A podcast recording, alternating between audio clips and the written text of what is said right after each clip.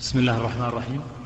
فضيلة الشيخ نحن مجموعة من الشباب نجتمع في استراحة لنا من قبيل المغرب حتى بعد صلاة العشاء ونصلي في الاستراحة. لا نذهب إلى المسجد.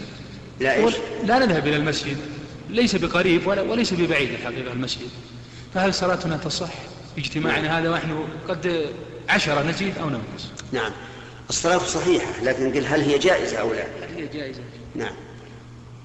بعض العلماء يقول إذا كان المسجد قريبا بحيث يدركونه على أقدامهم وهو بالسيارات يجب عليهم أن يصلوا في المسجد.